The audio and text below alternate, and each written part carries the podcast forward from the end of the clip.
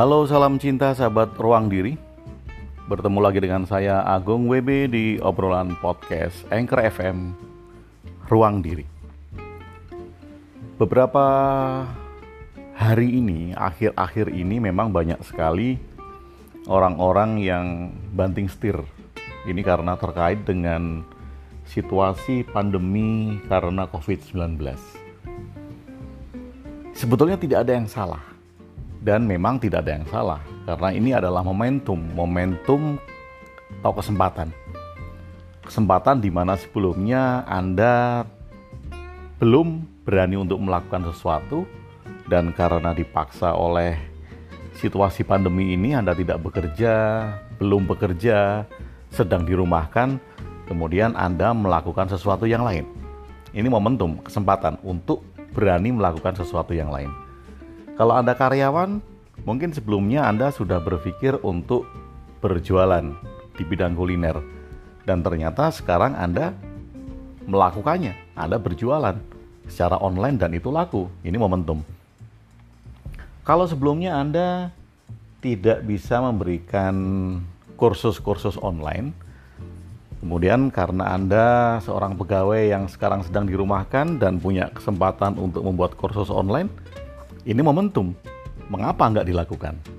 Nah, karena ini momentum, makanya kemudian semua orang sepertinya melakukan hal-hal yang sama.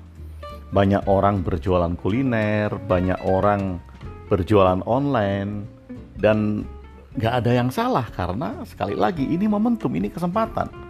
Mereka harus bertahan hidup, mereka harus kreatif, dan mereka harus berbuat tidak diam saja di rumah. Ini bagus dan kesempatan yang bagus. Kemarin teman saya dari Jogja bilang sama saya bahwa dia akan membuka usaha tentang penggilingan bakso. Oh, bagus sekali. Saya bilang sama teman saya bahwa itu adalah bagus. Tapi yang jadi masalah adalah di dalam satu kampung, ini satu kampung, sudah ada yang membuka usaha penggilingan bakso. Membuat bakso, jadi dari daging diproses hingga menjadi bakso. Di satu kampung itu sudah ada. Lalu saya tanya kan, masalahnya apa? Masalahnya saya nggak enak, nanti dianggap persaingan. Wah, ini orang Jogja loh. Kemudian saya ajak untuk melihat di daerah Mijilan. Apa yang terkenal dengan Mijilan? Gudeg. Oke, saya ajak teman saya, kamu itu orang Jogja loh Mbok sekali-kali lihatlah di Mijilan. Atau nanti kita lihat ke wilayah Patu. Ada apa dengan Mijilan? Lu Mijilan itu sepanjang jalan semuanya jualan gudeg. Bahkan tidak ada space lagi. Yang satu rumah ini jualan gudeg, rumah sampingnya jualan gudeg, rumah sampingnya jualan gudeg. Sederet panjang mereka jualan gudeg. Dan mereka tidak menganggap itu persaingan. Gudeg itu dinamain macam-macam ada gudeg Bucitro, ada gudeg Mijilan, ada gudeg Wahyu, macam-macam. Tetapi tidak ada satupun dari mereka yang klaim bahwa gudeg asli itu adalah miliknya. Nggak ada. Tetangga-tetangganya itu bebas untuk jualan gudeg. Enak kan? Nah, sama juga dengan Patok. Di sepanjang jalan Patok itu semuanya jualan bakpia macam-macam namanya juga ada bakpia 77, ada bakpia 45, ada bakpia bahkan sekarang sudah nggak pakai nomor tapi dinamai pakai nama bakpianya. Nah kemudian varian bakpia itu juga dibikin macam-macam. Nah dari varian satu dan lainnya dari toko satu yang lainnya mereka nggak ada yang menganggap bahwa salah satu toko yang jualan itu mematikan rezekinya. Nggak ada. Atau kemudian saya bilang sama teman saya sekali lagi, kalau kamu sudah ingat tentang Mijilan, sekarang kamu ingat tentang Pato, kamu lihat lagi deh di Malioboro. Aku itu loh yang sudah lama nggak, sudah lama keluar dari Jogja, ya mungkin pulang bisa setahun dua kali, tiga kali. Masih seneng loh ketika jalan di Malioboro. Dia tanya lagi kan, lo masalahnya apa dengan Malioboro Pak Agung? Saya itu melihat unik di Malioboro itu pedagang-pedagang pakaian. Kalau Anda jalan dari arah alun-alun kemudian ke arah Tugu atau sebaliknya dari arah Tugu ke arah alun-alun melewati Malioboro jalan kaki deh di emperan-emperan toko itu. Kemudian lihat mereka berjajar semuanya jualan barang yang sama. Ya kalau nggak daster, celana batik, atau kaos Jogja, kaos batik, dan semua jualan yang sama. Dan tidak ada yang satu pedagang kemudian komplain dengan pedagang lain bahwa kamu sudah menyaingi aku, kamu sudah bersaingan denganku karena menjual barang yang sama. Nggak ada. Nggak ada. Kenapa kok di Mijilan tidak terjadi seperti itu, di Patok tidak terjadi seperti itu, di Malioboro tidak terjadi seperti itu? Karena satu, orang-orang menyadari bahwa setiap orang mempunyai rezekinya sendiri-sendiri. Orang boleh jualan yang sama, kecuali hak paten ya. Kecuali ada satu merek yang dihak patenkan dan memang merek itu ditemukan gitu. Ya memang itu tidak boleh ditiru karena itu adalah hak paten. Tetapi makanan dengan public domain kayak gudeg. Gudeg itu public domain. Karena siapa pun juga bisa menjual gudeg. Bakpia. Bakpia itu public domain. Siapa pun juga bisa menjual bakpia. Tetapi ketika ada satu orang menjual bakpia gudeg kendil bucitro gitu. Ya yang lain nggak boleh buka gudeg dengan nama gudeg kendil bucitro karena gudeg kendil bucitro sudah menjadi hak paten dari bucitro sama dengan bakpia patuk, bakpia patuk 75. Kemudian ada yang menjual dengan merek yang sama, bakpia patuk 75. Itu hak paten dari bakpia patuk 75. Tetapi sepanjang dia menjual bakpia itu adalah public domain. Sama dengan celana batik di Malioboro, sama dengan kaos-kaos santai yang dijual di sepanjang Malioboro, semuanya merupakan public domain. Public domain itu merek yang dipunyai oleh publik. Siapa pun juga bisa memakai, siapa pun juga bisa menjual dengan merek tersebut. Itu adalah public domain. Nah, ketika kita menyadari bahwa rezeki itu berbeda-beda untuk setiap orang dan setiap orang mempunyai rezekinya sendiri-sendiri, silahkan saja. Sama dengan saya, saya menulis buku. Ketika ada orang lain menulis buku, apakah saya merasa tersaingi ketika ada orang lain menulis buku? Ketika saya menerbitkan buku, apakah saya merasa tersaingi ketika ada orang lain yang menerbitkan buku? Enggak kan?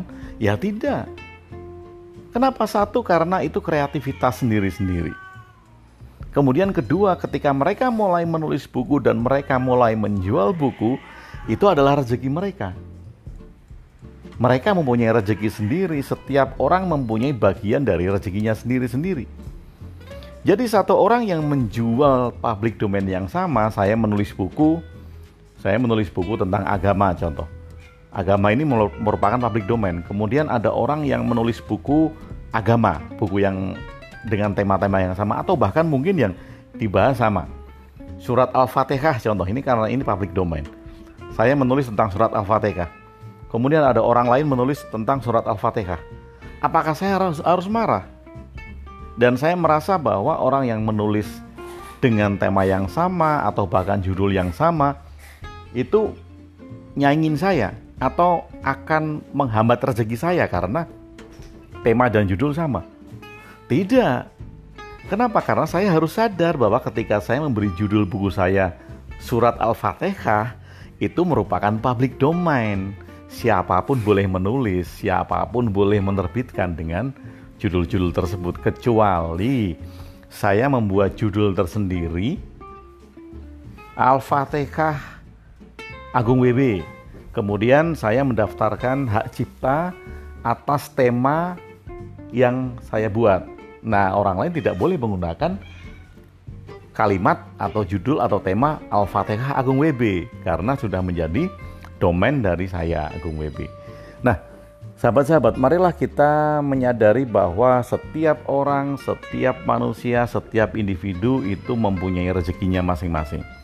Dan jangan sampai kita merasa tersaingi, apalagi kemudian marah-marah hanya karena orang-orang menjual produk-produk yang sama dengan yang kita jual. Sekarang sedang masa pandemi, semua orang sedang berbalik setirnya, berbalik arahnya dari usaha-usaha yang dilakukan sebelumnya.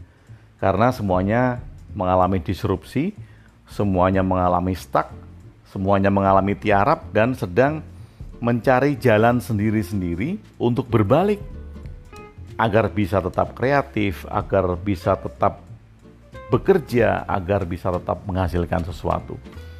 Untuk itu sahabat, bila Anda sedang menjual sesuatu karena masa-masanya jualan online, kemudian ada orang lain yang juga menjual produk yang sama dengan Anda, apabila itu public domain, dukung, bahkan support. Kenapa? Karena ada orang lain yang mulai bangkit kita harus senang dong melihat orang lain yang tidak bekerja, tiba-tiba tidak bekerja, kemudian dia melakukan sesuatu yang lain yang bisa menghasilkan.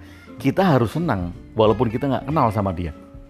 Kita harus akui bahwa hebat loh, dia bisa turn around, dia bahkan kemudian bisa turn over. Karena tidak bekerja tetapi masih bisa mengebulkan dapur keluarganya. Itu harus kita support, bukan malah kemudian kita hina-hina kemudian kita nyinyirin. Tuh kan sekarang dia nggak kerja lagi. Eh sekarang berubah dong jadi jualan online. Kita tidak semestinya seperti itu kita semestinya bangga kita semestinya penuh support melihat orang lain yang bisa melakukan pekerjaan lain yang bisa melahirkan pekerjaan lain bisa mengcreate pekerjaan lain sementara pekerjaan utamanya belum bisa dilakukan. Nah, mari kita support bersama-sama teman-teman kita, sahabat-sahabat kita, orang lain bahkan yang tidak kita kenal, yang tadinya menjadi karyawan, yang tadinya menjadi pegawai, atau bahkan seorang pegawai negeri sekalipun yang kemudian turnover, dia melakukan sebuah pekerjaan yang lain, dia melahirkan pekerjaan yang lain, dan itu bagus menunjang kehidupannya, melancarkan rezekinya, bisa mengebulkan dapurnya, mari kita support. Siapa pun dia, mari kita support. Siapa pun dia, mari kita acungin jempol.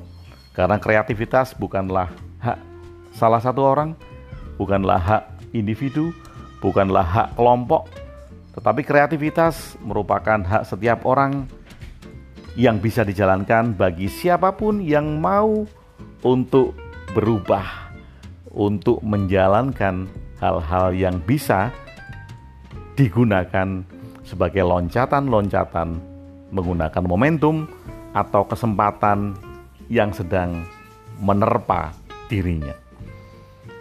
Sahabat, mari kita selalu berpikir jernih, mari kita selalu menebarkan cinta. Sekali lagi, bila banyak orang sekarang sedang berubah, dan mereka melakukan hal-hal baru. Apabila memang produknya sesuai dengan Anda, yuk kita support. Supportnya dalam bentuk apa? Kita beli produknya. Supportnya dalam bentuk apa? Kita share produknya.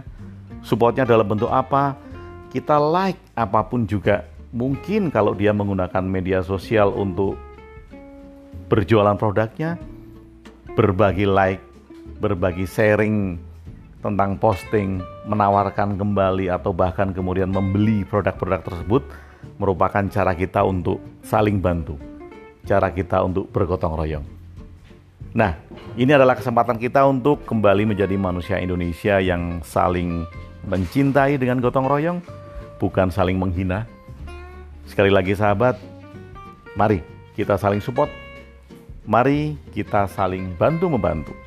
Jangan hina mereka karena memang tidak ada yang perlu dihina. Mungkin Anda sendirilah orang yang hina karena sudah menghina orang lain.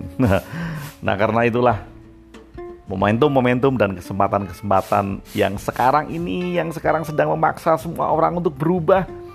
Dan ketika mereka sudah berubah, kita acungin jempol karena mereka menggunakan kesempatan-kesempatan ini untuk berubah.